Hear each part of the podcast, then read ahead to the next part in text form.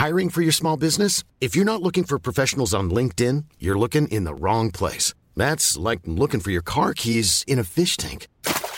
LinkedIn helps you hire professionals you can't find anywhere else, even those who aren't actively searching for a new job but might be open to the perfect role. In a given month, over 70% of LinkedIn users don't even visit other leading job sites. So start looking in the right place. With LinkedIn, you can hire professionals like a professional. Post your free job on linkedin.com slash people today.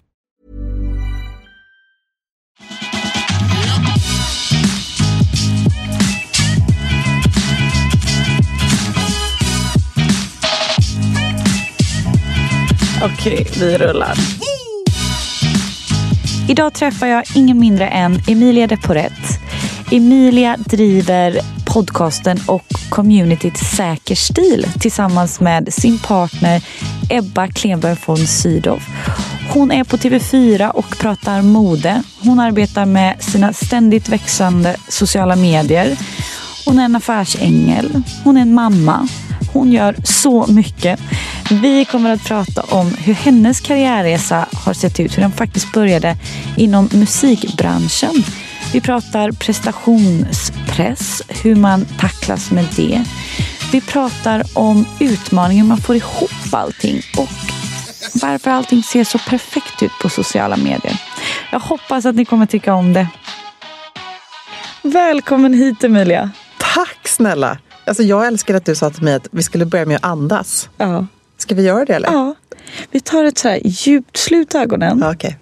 och så ända ner i magen Ja. och ut genom munnen. Ett till.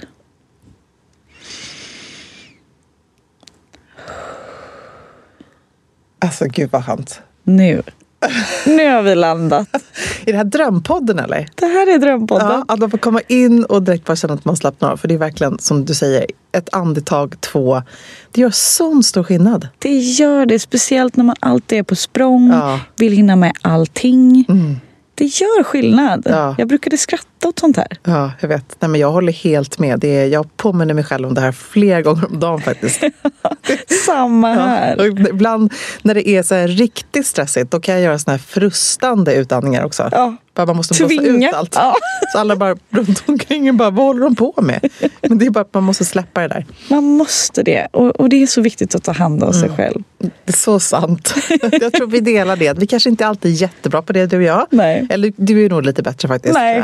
Jo, jag tror ändå att du är det. Men jag tror ändå att vi, vi, att vi har samma eh, energi och vi vill väldigt mycket båda två. Jag tror det. Man vill mycket och man glömmer att liksom, tiden ska räcka till och energin ska räcka till. Precis. Exakt så. Exakt så.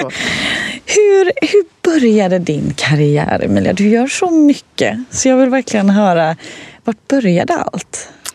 Ehm, ja, men det började för mig faktiskt i musiken. Jag eh, visste redan från att jag var tre, fyra år kanske att jag blev sångerska. Var väldigt eh, klar med det någonstans. Och det följde mig genom hela min skolgång och jag hade långa diskussioner med min pappa. Min mamma tyckte att det här var en toppen idé. Hon kommer själv från liksom en väldigt musikalisk familj och väldigt kreativ familj. Men pappa kommer då från en familj där, liksom, eller han själv framförallt, inte från en familj, men han själv hade valt en väldigt akademisk bana. Så han var så här, man måste ha en utbildning i vad man än gör liksom, sen i livet, i botten. Det är det som kommer liksom, vara din, din, din liksom, säkerhet någonstans.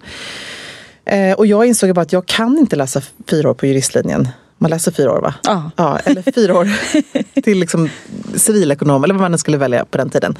Ehm, och eh, jag har inte tiden. Jag måste göra det här, här och nu och musikbranschen är liksom otroligt svår att komma in i. Det tar tid, det är ett lotteri, alltså det är så mycket som står på spel.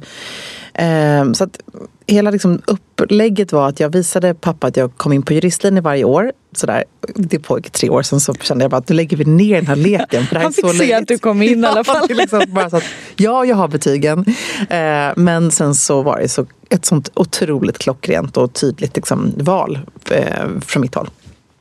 Så att jag körde på och eh, jobbade med det egentligen från att jag var, tog studenten fram tills eh, jag fick Elektra. Då var jag 34.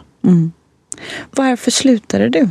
Mm, ja, men det är en bra fråga som jag faktiskt inte har ett väldigt eh, bra svar på om jag ska vara Nej. helt ärlig. Jag vet faktiskt inte själv varför jag slutade. För jag hade jag backat bandet nu och frågat mig själv för tio år sedan. Eh, kommer du någon gång sluta sjunga, stå på scen, musicera, skriva låtar, turnera? Så skulle jag säga, men herregud, är du inte klok? Det här är mitt, liksom mitt kall i livet. Ja. Eh, men jag tror att eh, i den perioden när jag blev gravid så var jag också i ett skede, det så händer det väldigt mycket med när man liksom får eh, eh, alla hormoner, alltså man, man, inte bara det, det rent fysiska, men det händer rätt mycket mentalt. Och i mitt fall så var jag nog rätt slutkörd. Eh, jag mm, älskade liksom mitt jobb, min, mitt sammanhang, människorna jag jobbade med. Jag jobbade med min bror bland annat, som är min bästa kompis som också var min, min agent. Så vi hade liksom, ja, men, värld, Linus är världens bästa och vi hade så roliga år och jag hade andra fantastiska kollegor. I allt det här förstås, ett jätteteam. Men jag var så trött på branschen i sin helhet. Just den här prestationsångesten som verkligen den eh, fick mig att känna. Ja. Nej, så att jag ehm, eh, kände bara att jag måste bara få ta en paus. Jag måste föda det här barnet. Eh, bara ta några månader ledigt och tänka efter. Eh, och sen så kom jag aldrig tillbaka. Nej. Kan du ångra det?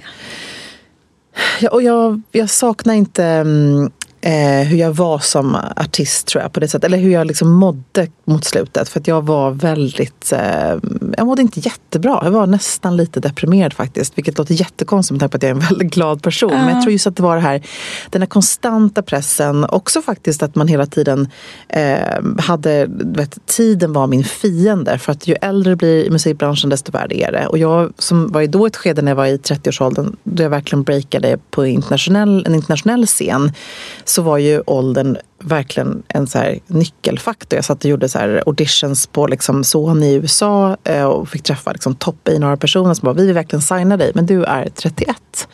Det är helt galet. Vi, vi måste liksom fatta att du ett vill göra det här, att du mm. kommer kunna eh, vet, nå ut och kunna tala till en yngre målgrupp. Alltså det är så mycket som står på spel. Och jag kände bara, jag kan inte det här är någonting jag aldrig kan fly ifrån. Jag är ju den jag är, jag har den ålder jag har och så vidare.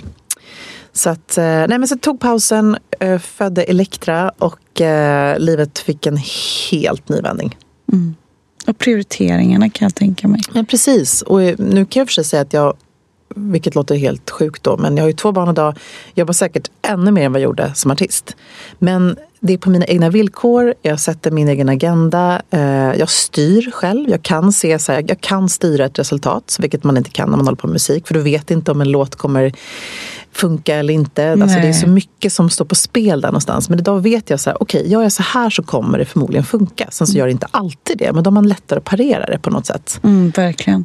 Och vad hände sen? Du fick Elektra och la ner musikkarriären. Vad, hur kom du in på det du jobbar med idag?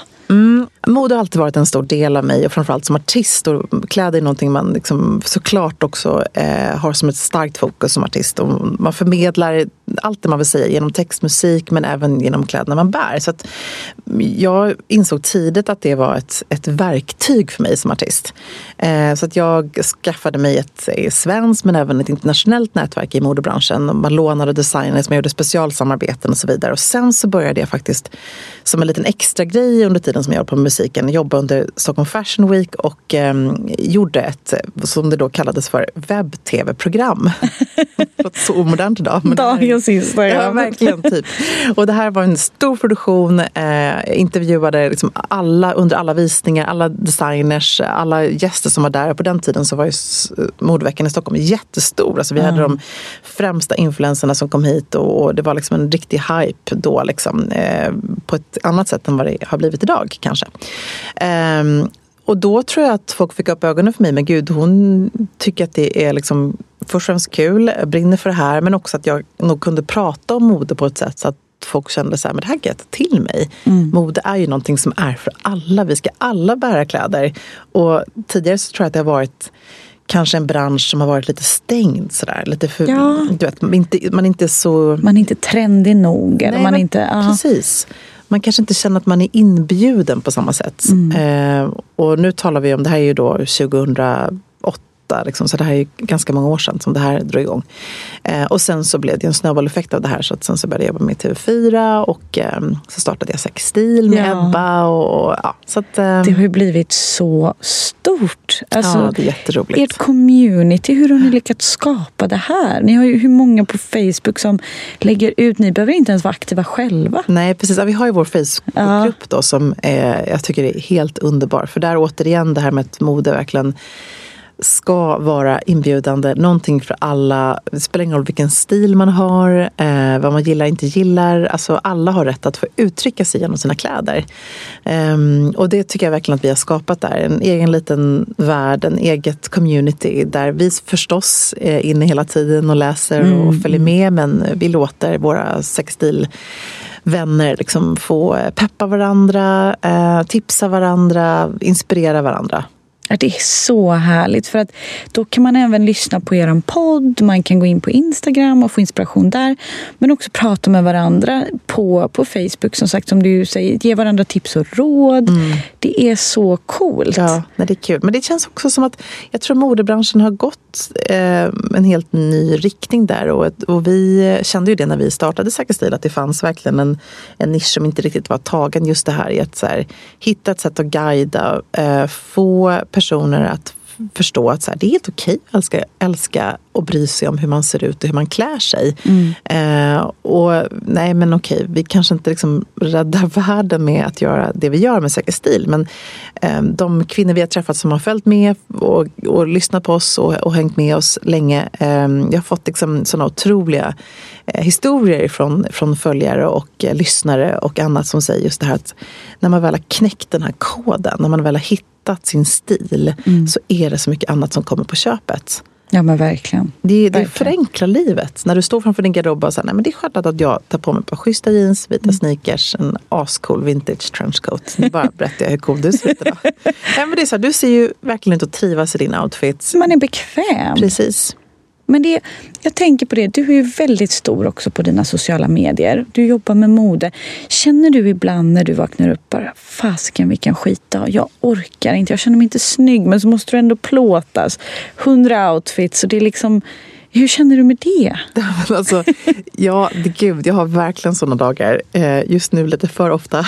Men då är man väldigt tacksam att man har ett otroligt bra team. Alltså jag är ju, ehm, är verkligen inte ensam i allt det här jag gör. Dels har jag Ebba förstås som är en drömpartner på många sätt. Men vi är ju ett stort team, dels i Säker stil men sen så har jag också eh, mina kollegor i allt det jag gör. Eh, så att när man har en plåtning, vilket jag exempelvis hade igår och då var det just en sån här, man hade inte sovit supermycket. Jag har en liten femåring som hade mardrömmar på natten och så bara, ja. gud, idag har vi liksom ett sånt schema. Vi ska plåta massa samarbeten och det är bara så här, man måste leverera liksom hela tiden. Eh, men då så kom Erika som är min grymma makeupartist och bara tjoff, tjoff, tjoff. Mm. Eh, gjorde att det kändes lite härligare, lite enklare. Eh, min grymma kollega Louise, fotografen Lisa. Du vet, alltså det är alltid så att man ja. jobbar i ett team, man peppar varandra någonstans. Mm. Men absolut, alltså, man ska inte tro att eh, verkligheten är som den ser ut på Instagram. Men, för jag kan till och med jämföra med bara så här, shit, borde jag göra lite botox? Titta här, ja. ingen här har en rynka. Nej. Alltså man blir så Nej. påverkad. Paris filter vet du. Ja.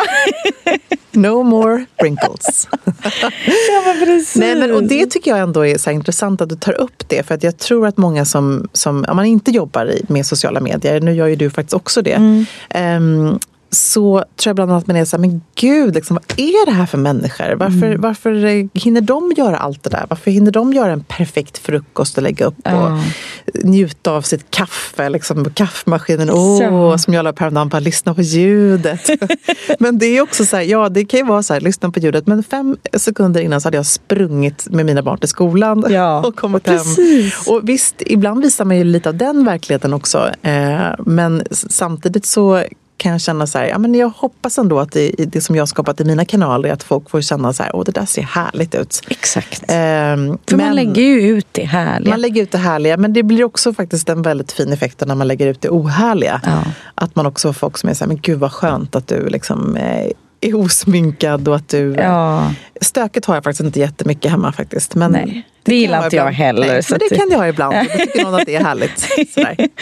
men uh, hur får du ihop allting. För du, du gör ju så mycket. Och det är som du säger, den här frukosten med perfekta avokadon och sen har du så himla många bollar i luften och, och hinner springa med barnen ja. Eh, till skolan. Ja, men alltså min, min prio är ju förstås att liksom kunna vara med barnen och det är inte jättelätt alla gånger att man ska hämta och köra till aktiviteter, skolan, det är läxor, finnas där. Och ibland så gör man ett sämre jobb som mamma, ibland gör man ett bättre. Men det känner jag så här, om det är någonstans jag inte vill misslyckas och det är någonstans jag verkligen blir arg på mig själv när jag känner att jag inte räcker till så är det med familjen. Mm. Um, så då har väl Amori och jag då, uh, bestämt oss för, min man, att vi, vi, um, vi jobbar båda två jättemycket men när vi är lediga så vill vi kunna fokusera på våra barn. Så att vi har eh, nu möjligheten genom att vi också jobbar och liksom kämpar på. Ehm, eh, möjligheten till att ha hjälp hemma. Så mm. vi har en fantastisk eh, grym barnflicka som är som vår femte familjemedlem som finns där när vi inte räcker till helt enkelt. Mm. Som skär den där avokadon på morgonen. Ja. det är inte jag på en vardagsmorgon. Men ja. den gör hon och hon ser till att liksom, eh, familjen mår bra på det sättet som hon kan. Och det tycker jag också är viktigt att kunna prata om sådana saker. Vi är alldeles ja. för, i Sverige, jag vet inte varför det är tabu. Och någonstans ah. apropå just det här att man sitter då, eh, jag fick faktiskt för, vid något tillfälle så gick jag ut och pratade om att ja, vi har en person som jobbar heltid hemma hos oss. Men varför är det fel? Nej, men det, jag tror mer att det är fel tycker jag att inte säga att man har ja, det. Exakt. Eh, för då är folk så här, men hur hinner du jobba så här mycket? Du har två barn, eh, du ser sminkad och fräsch ut på morgonen. Jag hinner inte det här. Nej. Men har man den hjälpen så hinner man mycket mer. Precis. Eh, så det känner jag att det är jag helt öppen och transparent med. Att eh, vi tar in hjälp där vi kan. Jag har även Louise som jobbar med mig i mitt bolag som mm. är liksom en sån grym klippa. Mm. Som jag aldrig hade klarat mig utan faktiskt. Och så. samma när du har sminkhjälp, då lägger du ut det så att man förstår att du inte hunnit lägga på det här perfekta makeet. Skära avokadon. Nej, exakt. Gör allt det där på samma gång. Nej, men och sen så gör jag så mycket annat också så jag känner så här, min tid är så dyrbar. Jag har ett litet fönster varje dag där jag kan jobba. Och när jag inte plåtar och spelar in poddar med Säker stil eller gör liveshopping eller vad, vad, man än gör för någonting som är det här man ser utåt så gör jag ju väldigt mycket också bakom. Mm. Eh, jag jobbar med styrelsearbeten jag liksom gör mina investeringar, eh, andra konsultuppdrag som tar jättemycket av min tid. Som är faktiskt, då är jag, ser jag inte lika glamorös ut. Eller Nej. det kan jag i och för sig göra också. Men ja, det gör då är man lite mer att man är i work mode. Liksom så. Eh, och det är ju den delen av mig som kanske inte syns jättemycket i sociala medier för att jag inte hinner riktigt dela med mig av den tiden. Så, eh, så att jag tror mer att för mig har det blivit så att jag har valt att jobba jättemycket och göra väldigt mycket olika saker. Och eh, sen så är jag också väldigt mån om att hinna med min familj. Mm. Det som stryker kanske är vänner, eh, sociala grejer tyvärr. Mm. Eh, men man kan inte nej, vara överallt. Nej, man kan inte det. Och samma sak faktiskt eh, så är väl så att inte varit super på att ta hand om mig själv sådär. Hungrig. Hann du äta frukost? Nej. Nej! Förlåt, fortsätt. Jag det var ingen det kom med. avokado där på morgonen eller? Som Fredrik skar till. Nej, han är duktig på kaffe men ingen avokado. men jag tänker då, hur får du ihop det? För du jobbar ju också supermycket. Nu har inte du barn i och för sig. Det är ju men... det, jag har ju inte barn. Nej. Så Nej, jag har mig själv och jag har Fredrik. Ja. Är han ditt barn? Nej, nästan. Nej, han, jag är nog mer hans barn. Ja. Eh, men det är också som du säger, han har ju lärt mig mycket då att man har en pott energi hur väljer du att fördela den? För jag har också trott att jag kan vara superkompisen, prestera på jobbet, tränad, alltså liksom mm. så. Men jag har förstått att det går inte. Mm. Vart vill jag prestera? Vart kommer jag vilja investera min tid? Där kommer det funka. Ja. Um, så det, det, är så svårt. Vad tullar du inte på då? För det är så här, jag tror man måste hitta så här, okej, okay, man kan ju ibland så kastas scheman om och man måste omprioritera. Men vad, vad är verkligen så här, någonting som du alltid prioriterar? Och det är nog mina vänner. Nu när jag inser på mina liksom, eh, år på hästens att oavsett hur mycket jag har rest så har jag liksom alltid hunnit med en härlig vinkväll med dem mm. eller någonting. Bara mm. skratta och inte prata jobb. Nej, viktigt. Och fylla på energi. Ja. Skra alltså, där sa du något som är så bra. Skratta. Det är så härligt. Det, det är väl så här, andas, äh, äta, sova, älska, skratta. Ja. Alltså det är de här det är verkligen sådana basala grejer. Men, men man, man tänker oftast bara då att ska, man ska äta, sova och liksom träna ja. kanske. Men att just skratta tycker jag, det är så bra att du tar upp det. Det är så viktigt för man blir så glad. Ja. Jag kommer även ha med en positiv, positiv expert i podden. Mm, som är relations bra. och positivitetspsykolog. Så, så att mycket ju. sånt. Ja. Men på tal om, om, om liksom mår bra och välmående.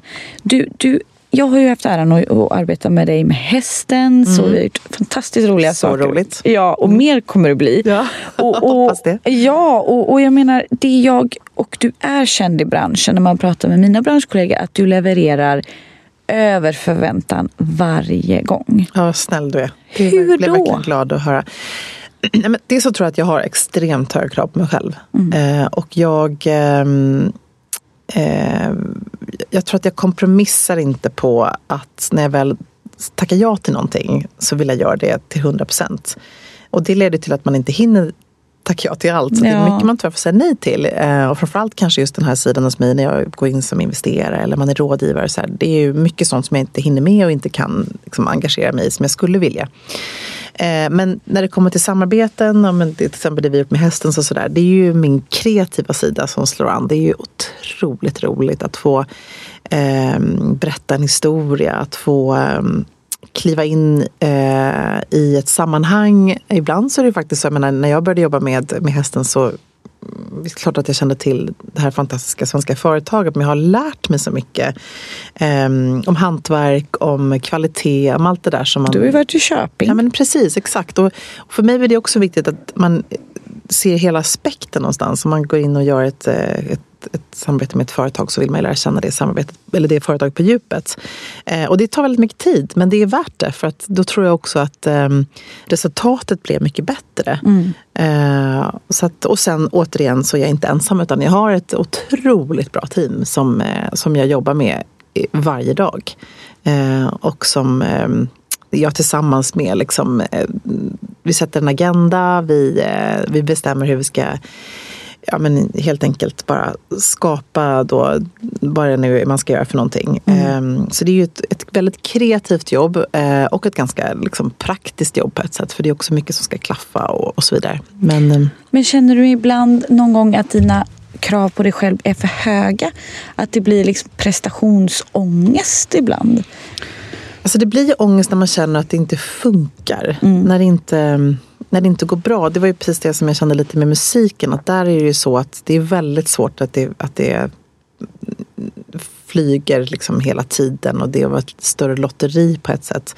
Nu kan jag ju sådär mer styra lite mer. Jag vet att men jobbar jag med Ehm, ett företag som jag vet ligger väldigt nära mig i allt jag står för så vet jag att det här kommer nog med största sannolikhet bli ett bra resultat. För det, det kommer liksom bli naturligt och, och bra och, och mina följare kommer känna att det här känns trovärdigt och allt det här. Och jag tycker att det är kul, jag får massa idéer. Eh, Medan när man gör någonting som man inte känner så mycket för det är då det blir jobbigt faktiskt.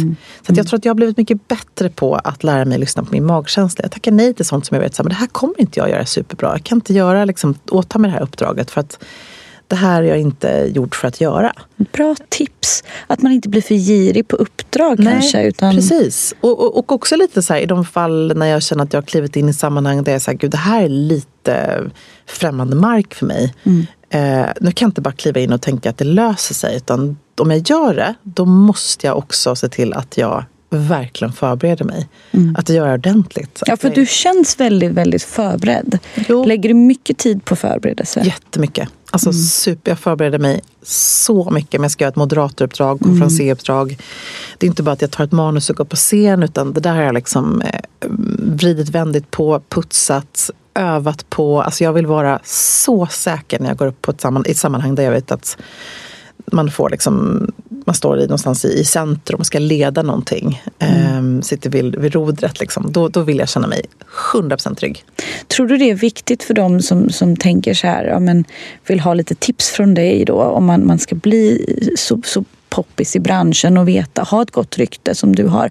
Tror du att det är viktigt att man verkligen gör, gör hemläxan? Absolut, jag tror faktiskt det. Och nu tycker jag ändå alla jag menar, mina kollegor som är i branschen, olika nära och eh, med personer man beundrar. Det känns ju som att folk verkligen är otroligt duktiga på att göra ett bra jobb. Men, men jag tror att man kan utmana sig själv där. Och det spelar ingen roll om man jobbar med det jag gör. Man jobbar på ett eh, företag där man kanske ska hålla en dragning, hålla ett, som numera ett Zoom-möte eller vad det kan vara. Att känna så här, vet du vad, imorgon 9.00 det här mötet drar igång. Jag har koll på läget. Jag har tänkt igenom allt ifrån liksom vad vi ska prata om, en agenda, kläderna, alltså rubbet. Eh, så att jag tror att man ska inte mm, tänka så här, äh, det löser sig. Jag tror kanske många kan ha lite den inställningen, vilket Ja. också är ett härligt Ja, jag har för mycket det. Nej, men det kan vara ett tecken på att man är liksom Eh. trygg i sig själv, vilket är underbart. Och i många gånger så löser det faktiskt sig också, ska Ja, vara helt ja. säga. Men kanske just de där gångerna, jag kan känna så när jag vet så här, men det här har jag, jag kan det här, det är inga problem. Det här, Nu vet jag liksom att det här känner jag mig 100% trygg i. Men det är de lägena jag inte gör det, eller när det är ett väldigt stort sammanhang, det är då jag känner så här, nu måste jag vara förberedd. Eh, För annars så tycker jag att det också skiner igenom någonstans. Du ser ju osäkerheten och man gör inte ett lika bra resultat. Nej. Nej, det är helt sant. Jättebra tips. Det tror jag att många, många undrar kring. För att hur blir man så duktig? Och den här, hela den här perfekta, eh, men inte ytan, men leveransen. Ja, Eh, precis. Och sedan, du är ju som vi nämnde men, känd för, för att leverera väldigt bra och, och utifrån liksom en kunds perspektiv. Men har du jobbat hårt för att nå ditt personliga varumärke eller har det, har det varit en slump eller en strategi? Men det är eh, så ganska mycket nog en strategi faktiskt Ja. i mitt fall. Just för att jag tycker att det är väldigt spännande och intressant. Hur skapar man någonting? Eh, och hur, ut, hur... Jag tror att det handlar också om att framförallt när man jobbar med sig själv som varumärke så handlar det ju dels om att vara, tror jag, eh, ganska tydlig med det man kommunicerar och gör. Nu har jag hittat liksom en nisch som är min. Jag är ju inte ute och liksom gör massa olika grejer. Eh, utan jag är ju ganska mycket i, i min liksom, värld någonstans. Vilket är mode, men det kan också vara livsstil. Och där kan man ju liksom tulla på det. Det kan vara hälsa. Så man kan ändå så här, idag tänja lite på gränserna. Eh, men jag skulle ju inte liksom helt plötsligt eh, gå loss och eh, börja bygga möbler. Alltså, jag kanske kan jobba med inredning. Du hade nog gjort det jäkligt bra. Nej, Igår förstår jag faktiskt och målade lite på väggen. och Det var inte riktigt min starkaste sida. Men däremot så älskar jag ju att förmedla och prata om, om inredning och design och allt det där. Men, men, men jag tror man ändå måste se sina begränsningar. Det var ett dåligt exempel. Jag, men jag hade faktiskt inte gjort det bra heller. Jag Nej. kan ju tyvärr inte heller sy. Så det är ju en sån failure när man jobbar i modebranschen att man inte kan sy. Jag, liksom syr, jag är en sån person som sitter vid en symaskin och typ syr mig själv i fingret. Liksom, som ingen annan gör. Det är verkligen tummen mitt i hand på alla vis. När det kommer till de grejerna är jag värdelös. Ehm, nej, men så jag tror att hitta sin nisch, vara tydlig med det men sen utvecklas i sitt varumärke. Att överraska är viktigt. Att eh, liksom, ibland göra en liten avstickare, testa någonting nytt, se vad man får för reaktion. Eh, Aldrig riktigt stå still tror jag är viktigt. Ja, för du delar inte så mycket med dig av ditt privat, alltså dina barn eller din man. Är det ett aktivt val av dig? Tror du många är, ny, för att liksom många är nyfikna? Och, Ja, alltså, om jag ska vara helt ärlig så är det så här, hade jag haft mina barn och mina sociala medier hade jag haft så många fler följare. Ja, precis. det hade jag haft. Eh, men just den grejen var ett val som jag, eh, jag och min man tog tillsammans. Mm. Kanske med min man som inte alls är intresserad av sociala medier. Han följer såklart men han har ingen, ingen längtan själv att vara med. Jag får i present av honom när vi firar vår bröllopsdag att Jag han är med på en vet, bild. jag älskar och det här är så irriterande för det här är mest likade bilden i mitt flöde. Jag men det blir så spännande jag vet, då. men han är så nöjd. Och jag är bara så här, gud vad det här är störigt alltså. Han tycker liksom att han, är så här, han dyker upp och bara får Ja. eh, tusentals likes direkt. Nej, men, men, men barnen då, det är ju intressant att du lyfter det. För att jag har all respekt för alla får göra som de vill men vi har valt att inte ha med dem. Eh, och det känns ganska skönt faktiskt. Men nu så har jag en dotter som är snart fyller tio Mm. och som bara senast igår var så här, mamma varför får min kompis vara med i hennes mammas kanal? Varför får inte jag vara med i dina sociala kanaler? Skäms du över mig? Mm. Ja. Eh, du vet, allt sådär. Vill du inte visa upp mig? Och jag är bara så här, men gud om du visste vad jag har velat visa upp dig. Ja, såklart. Eh, det är det finaste jag har såklart.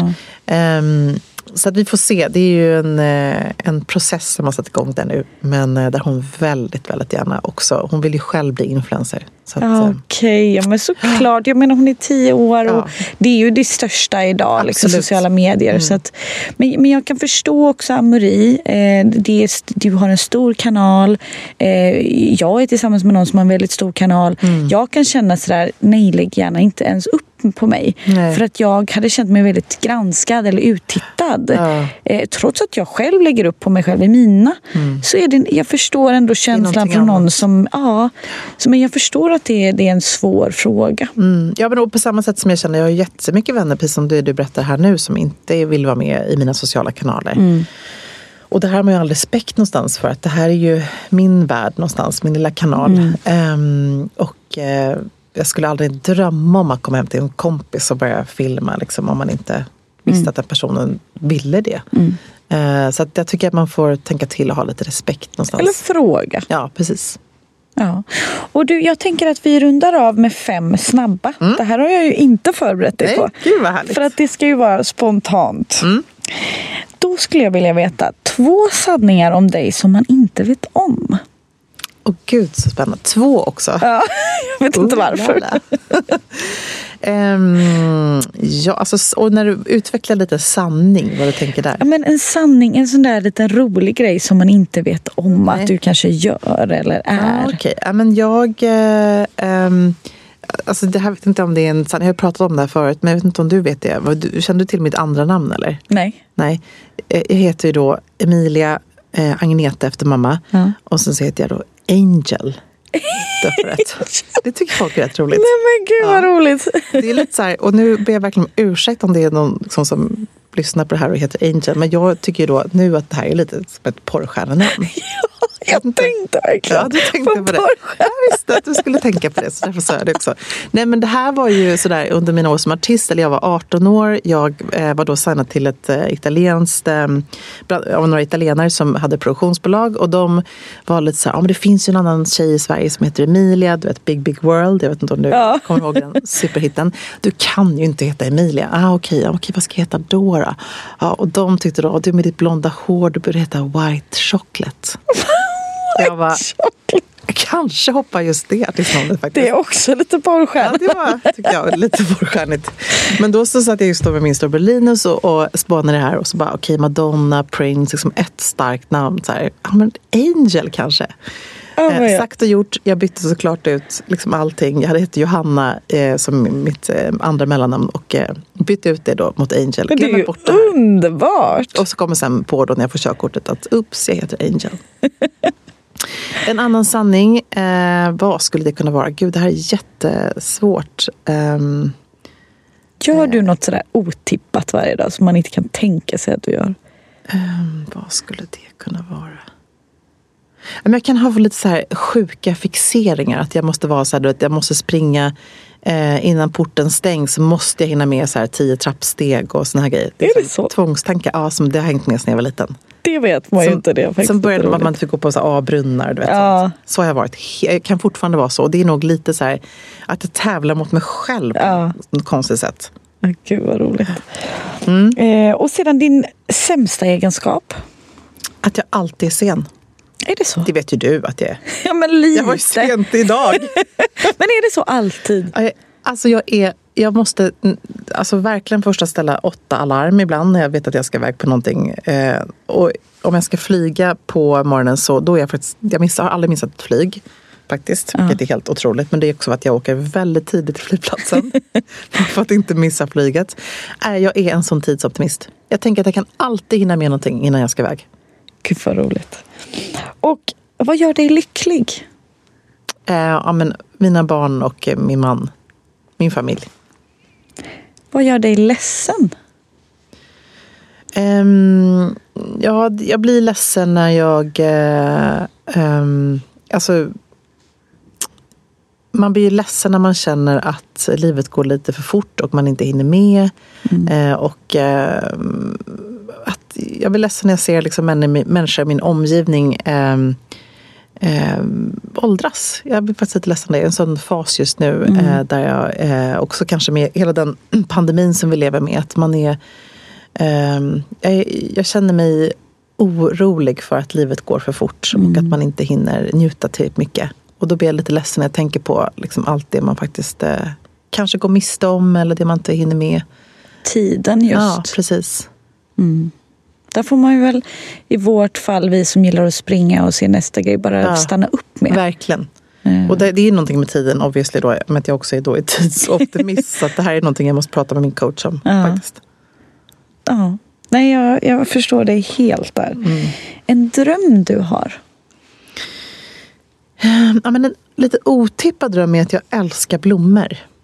Eh, det är nästan det bästa jag vet faktiskt. Så att jag tänker att om jag i mitt nästa liv ska hjälpa mig någonting sådär som jag skulle bli väldigt lycklig av tror jag. Eh, och bara få vara i en, den typen av liksom, eh, värld så, som är väldigt kreativ, väldigt vacker, eh, nära natur och allt det där. Så skulle jag vilja göra någonting, tror jag, lite mer med händerna på det sättet. Inte då såga och måla.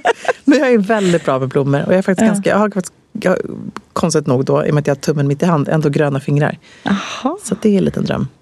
Gud vad härligt. Mm. Det känner man ju inte till. Jag har ju fått se hemma hos dig, det var ju väldigt fint. Ja, men jag är, Eh, inte, med alltså, blommor och jag är sådär. inte superkunnig inom det, men jag skulle vilja lära mig mer och jag skulle kunna liksom tänka att jag skulle bo på landet och jobba med blommor. Gud vad härligt. snygga kläder på mig. Ja, Jag ser liksom hela bilden. det kommer.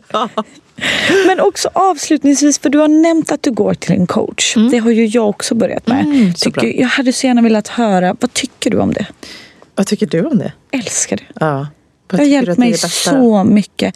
Bara stanna upp och liksom de här frågorna man får som man börjar reflektera själv. Mm. För det är ju väldigt mycket själv, alltså personlig utveckling framåt. Ja, precis. Det gillar jag.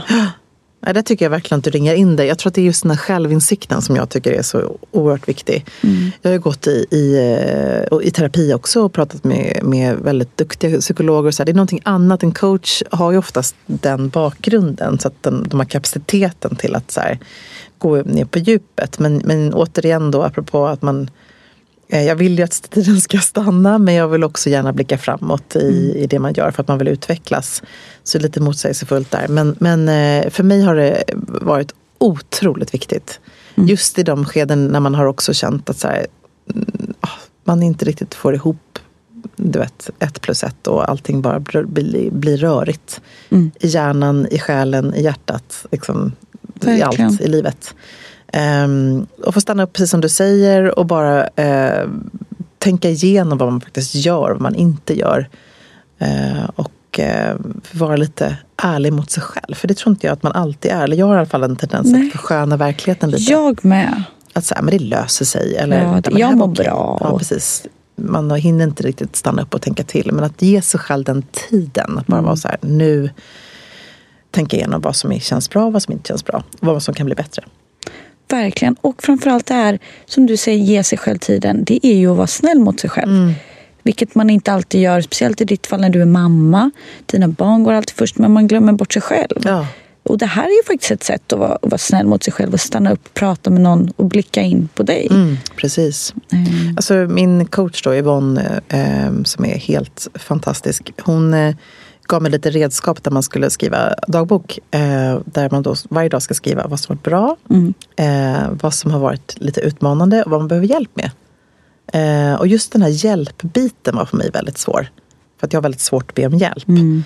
Men att faktiskt utmana sig själv och reflektera över saker och ting. När man sätter någon tankar, känslor på pränt så händer rätt mycket. Så det här är en grej som jag verkligen brukar säga till folk.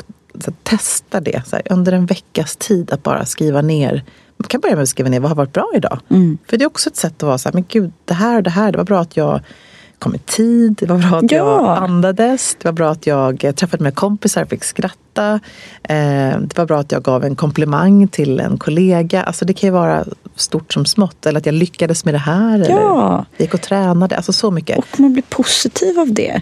Jag har börjat liksom med att starta dagen och avsluta dagen vad man är tacksam med. Mm. Så jag är sådär, så fort vi öppnar ögonen då så frågar jag Fredrik vad är du tacksam för? Och han blir så här, åh. Liksom. men, men jag tjatar om det här. Men det, är också, det kan vara en sån liten grej. Men man också börjar med att tänka på något glatt. Ja. Utan att man vet det. Jag tycker det är jättebra. Det ska jag ta med mig från dig. Tack för Ja, det tipset. för Och Amori kommer bara, åh, men, ja. Alltså, förlåt, men jag är gift med en fransman. De är inte jättebra på att vara positiva om man säger så. Men det är det som är så roligt att då lägger ner och så frågar du och då kanske han blir så här. Men sen så kommer han ju till slut komma på något. Ja. Och det är det som liksom ändå är kvar när han somnar. Jättebra. Ja, men det, är tips. så, det är coachen. Ja, så bra. Du, du är min coach. Men Emilia, tack snälla för att du ville vara med. Tack för att jag fick vara med. Så kul. Hur hittar man till dig om man är nyfiken på bästa Ehm, sätt? Ja, men dels så kan man ju följa mig på Instagram, att Emilia de Porret. Eh, sen kan man lyssna på vår podcast som heter Sexstilpodden. Ehm, ja, man kan börja där. Man kan börja där. Ja, Tack. tack själv. För att ni lyssnar på podden. Jag skulle även vilja tacka min producent Kristoffer Örtegren för ett fantastiskt arbete. Om ni tycker om podden så får ni jättegärna gå in och prenumerera. Och skriv gärna en liten review.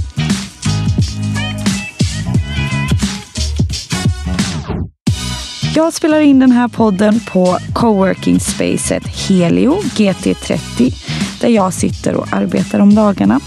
Det finns på flera ställen i stan så letar du efter en härlig kontorsplats så kika gärna in på helio.se för att se vart de finns runt om i stan. De har även eventlokaler, mötesrum eller den här poddstudion om man skulle behöva det. Eh, sen också väldigt viktigt, världens bästa personal.